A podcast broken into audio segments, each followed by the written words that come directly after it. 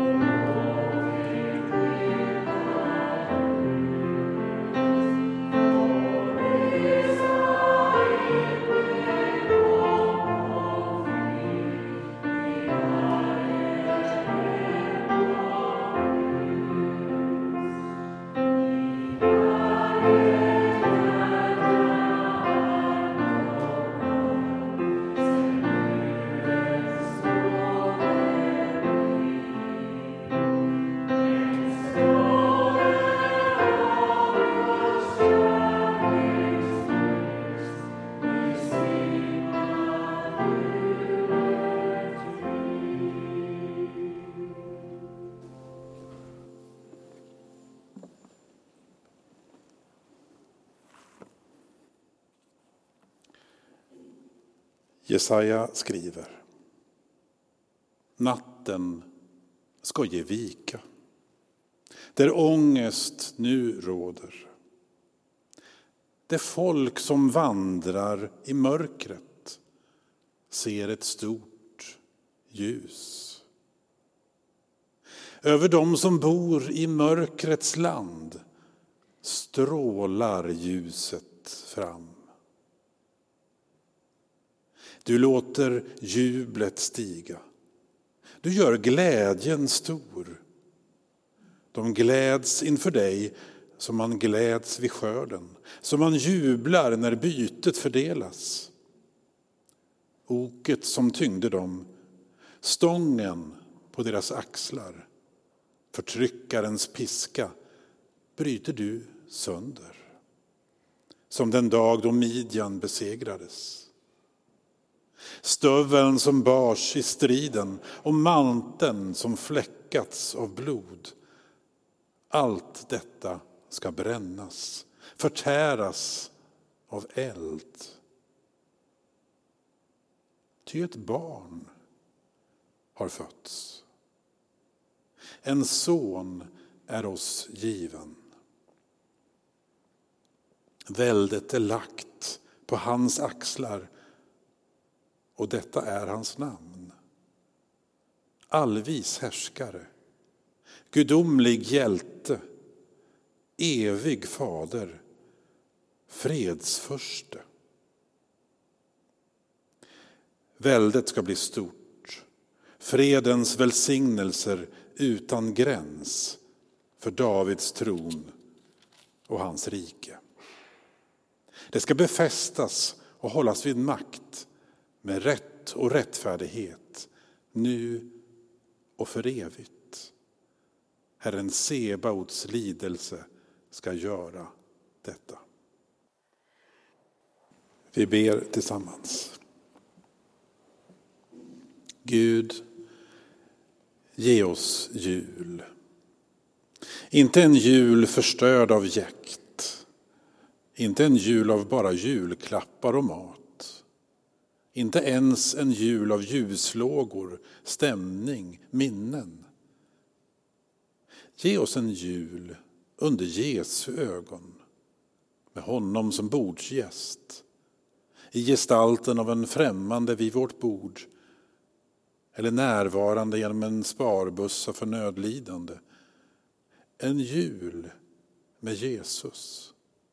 Osynlig men välsignande allt. Och därför med barnsligt glada skratt mitt i allvaret. En jul med den frid som världen inte kan ge. Den frid som övergår allt förstånd. Gud, ge oss jul. Lukas skriver. Vid den tiden utfärdade kejsar Augustus en förordning om att hela världen skulle skattskrivas. Det var den första skattskrivningen och den hölls när Quirinius var ståthållare i Syrien. Alla gick då för att skattskriva sig, var och en till sin stad. Och Josef, som genom sin härkomst hörde till Davids hus, begav sig från Nasaret i Galileen upp till Judeen, till Davids stad Betlehem, för att skattskriva sig tillsammans med Maria, sin trolovade, som väntade sitt barn. Medan de befann sig där var tiden inne för henne att föda och hon födde sin son, den förstfödde. Hon lindade honom och la honom i en krubba eftersom det inte fanns plats för dem inne i härberget. I samma trakt låg några herdar ute och vaktade sin jord om natten. Då stod Herrens ängel framför dem och Herrens härlighet lyste omkring dem och de greps av stor förfäran. Men ängeln sa till dem, var inte rädda.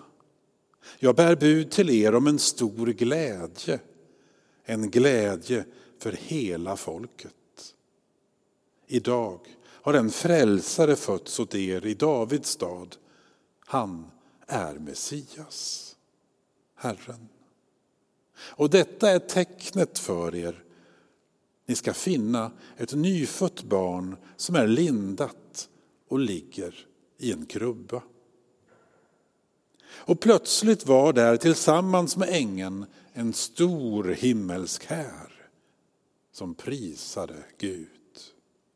Ära i höjden åt Gud och på jorden fred åt dem han har utvalt.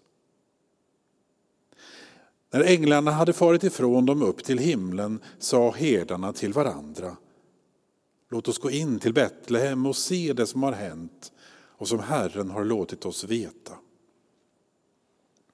De skyndade iväg och fann Maria och Josef och det nyfödda barnet som låg i krubban. När de hade sett det berättade de vad som sagts till dem om detta barn.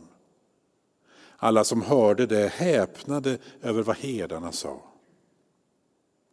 Maria tog allt detta till sitt hjärta och begrundade det. Och herdarna vände tillbaka och prisade och lovade Gud för vad de hade fått höra och se. Allt var så som det hade sagts dem. Vet du hur en ängel ser ut? Eller vilken färg Guds härlighet har? Det finns en hel del oklarheter i berättelsen. Eller rättare sagt en hel del som vi kanske tar för givet. Och när det står ängel så tänker ju vi genast på ljusa varelser med vingar. Eller hur? Det står inte ett ord om vingar. Vi vet inte vad det var som herdarna upplevde. Men själva så verkade de tolka det som ett budskap från Gud själv. Och således var det ju Guds budbärare som de hade mött, eller som vi brukar säga, en ängel. Vi kan inte så noga veta på vilket sätt de upplevde det där mötet. Men uppenbarligen så var ju intrycket tillräckligt starkt för att få dem att ge sig av in mot stan och leta efter ett litet barn. När de väl hade gett sig av så hade de inget himmelskt ljus och ingen magisk karta med sig. De hade gjort en upplevelse av något gudomligt och fått med sig den där idén att de skulle leta efter ett barn som låg i en krubba. Vi är så vana att höra den här berättelsen att vi nog knappt tänker på det ur herdarnas perspektiv. Det var mörkt där de gick. De fick förmodligen fråga sig fram och leta ett bra tag innan de ens hittade någon nyfödd. Och jag undrar hur många mödrar som de uppsökte innan de hittade ett barn i en krubba. Och när de väl hittade det så var det ju bara ett barn. Barn är väl söta men ingen gloria, inga änglar. Inga andra gudomliga tecken än den där ingivelsen som de hade fått dem att ge sig av. Och det får mig att undra, hur många fick egentligen bud av änglar den där natten? Kanske var det fler än just de där herdarna. Kanske också bagaren på tredje gatan som just hade gått upp för att förbereda dagen eh, och arbetet. Kanske fick han också samma budskap förmedlat på ett sätt som han inte begrep sig på. Kanske tiggarflickan som bodde där i skjulet bakom garvarens hus. Kanske fick hon också samma bud. Men lyckas inte hitta något barn innan hungern tog över och hon fick annat att tänka på. Varför just herdarna har vi ofta tänkt.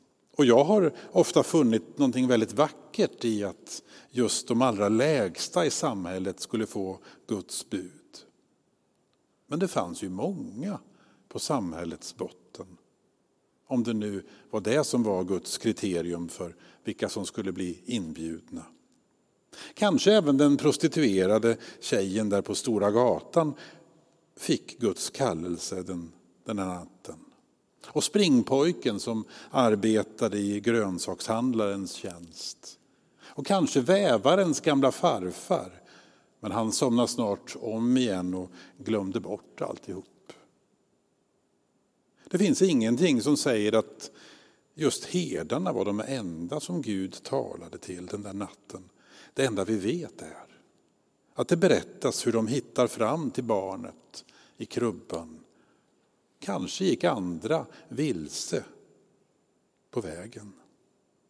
Kanske har du fått en hälsning ifrån Gud. Du upplevde någonting någon gång. Du fick en känsla, du var något på spåren. Men så blev det inte så mycket mer. Efteråt blev det så mörkt och tyst igen och du hittade kanske aldrig fram. Eller så glömde du bort alltihop. Undret i julnatten är förvånansvärt lätt att missa. Det är så oansenligt när Gud blir människa. När jag läser den här texten så är det inte änglarna som står ut. De står ju inte ens beskrivna överhuvudtaget. Guds härlighet lyste, står det. Hur ser det ut liksom?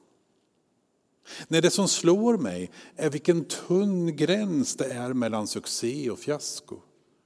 Vilken stor risk Gud tog och hur lätt det är att gå miste om alltihop. För återigen så visar det sig vara sant.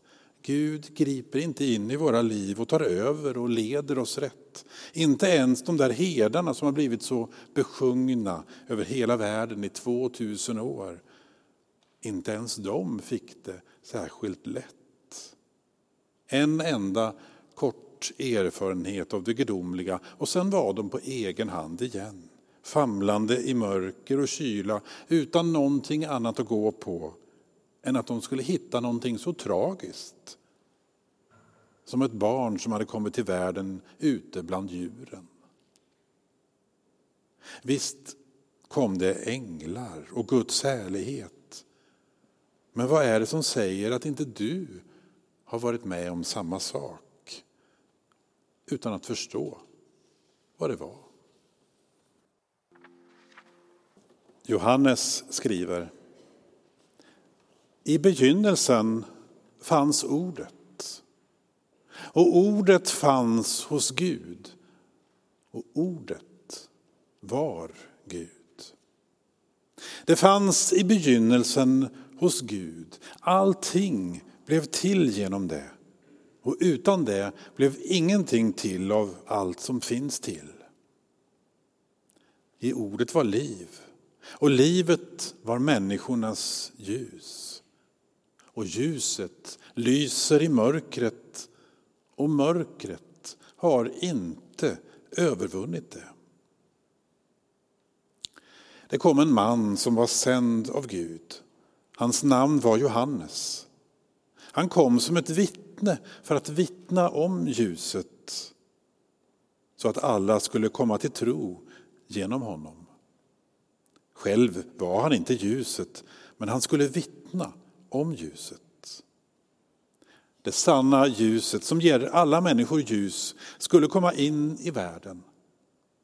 Han var i världen och världen hade blivit till genom honom. Men världen kände honom inte. Han kom till det som var hans. Och hans egna tog inte emot honom. Men åt dem som tog emot honom gav han rätten att bli Guds barn.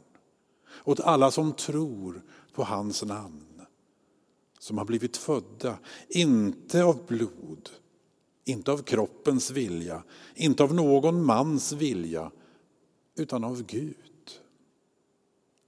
Och ordet blev människa och bodde bland oss och vi såg hans härlighet.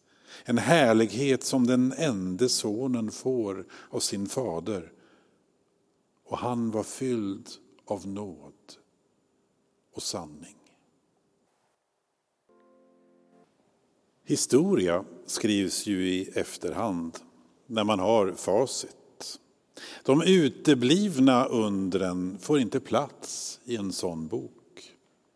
Det är en tunn gräns mellan succé och fiasko. Men när man har eh, skrivit om det efteråt så framstår det plötsligt så tydligt. Då ser man mönstret så klart. Då ser man de avgörande punkterna så lysande i mörkret. Så är det ju också i våra liv, eller hur? När vi berättar om hur det ena ledde till det andra. Och så rätt vad det var så hade vi varit gifta i 50 år. Precis som att det var den första tanken när man såg henne. Eller så väljer vi väg genom livet och och så hamnar vi till slut som eh, chef på den där viktiga posten. Som om man hade varit född till det. Men när man var yngre hade man ju inte kunnat ana.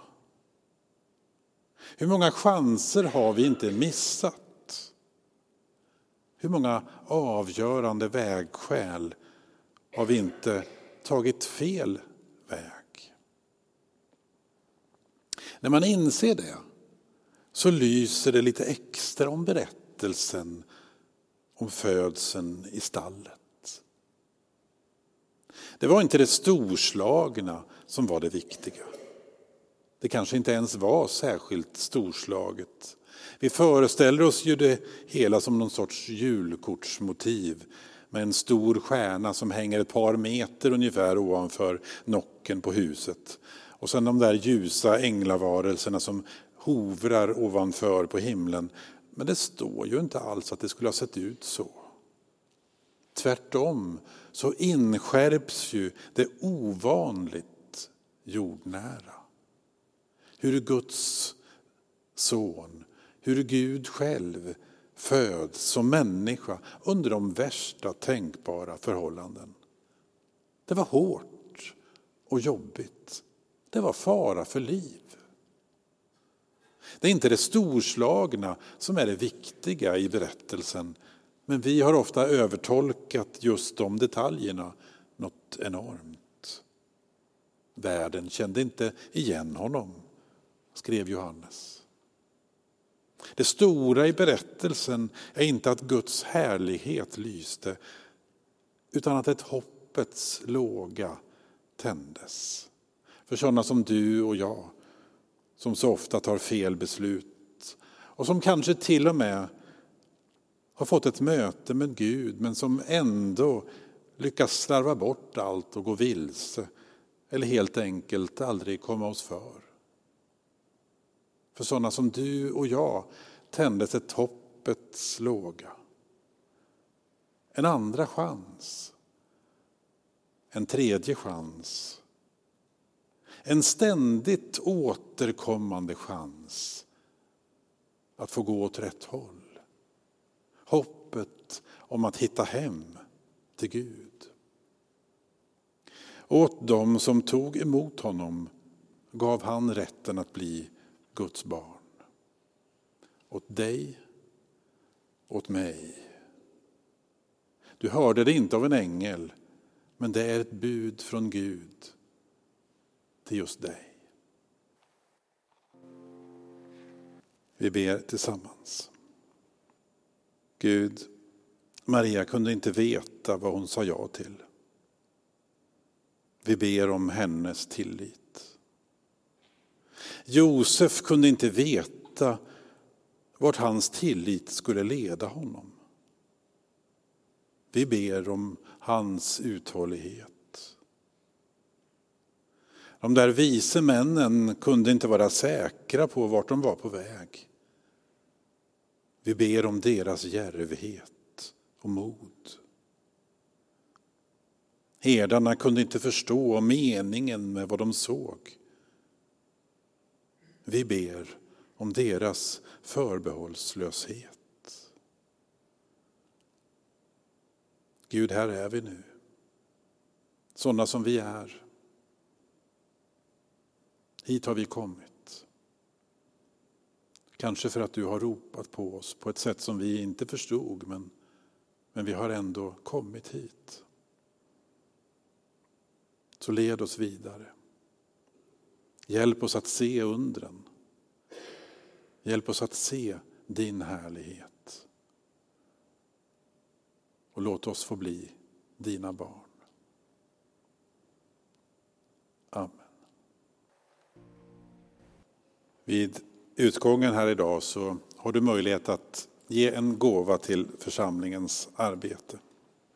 Ta så till sist emot Herrens välsignelse. Må Kristus födas som tro i ditt hjärta. Må Kristus födas som hopp i ditt hjärta. Må Kristus födas som kärlek i ditt hjärta. Amen.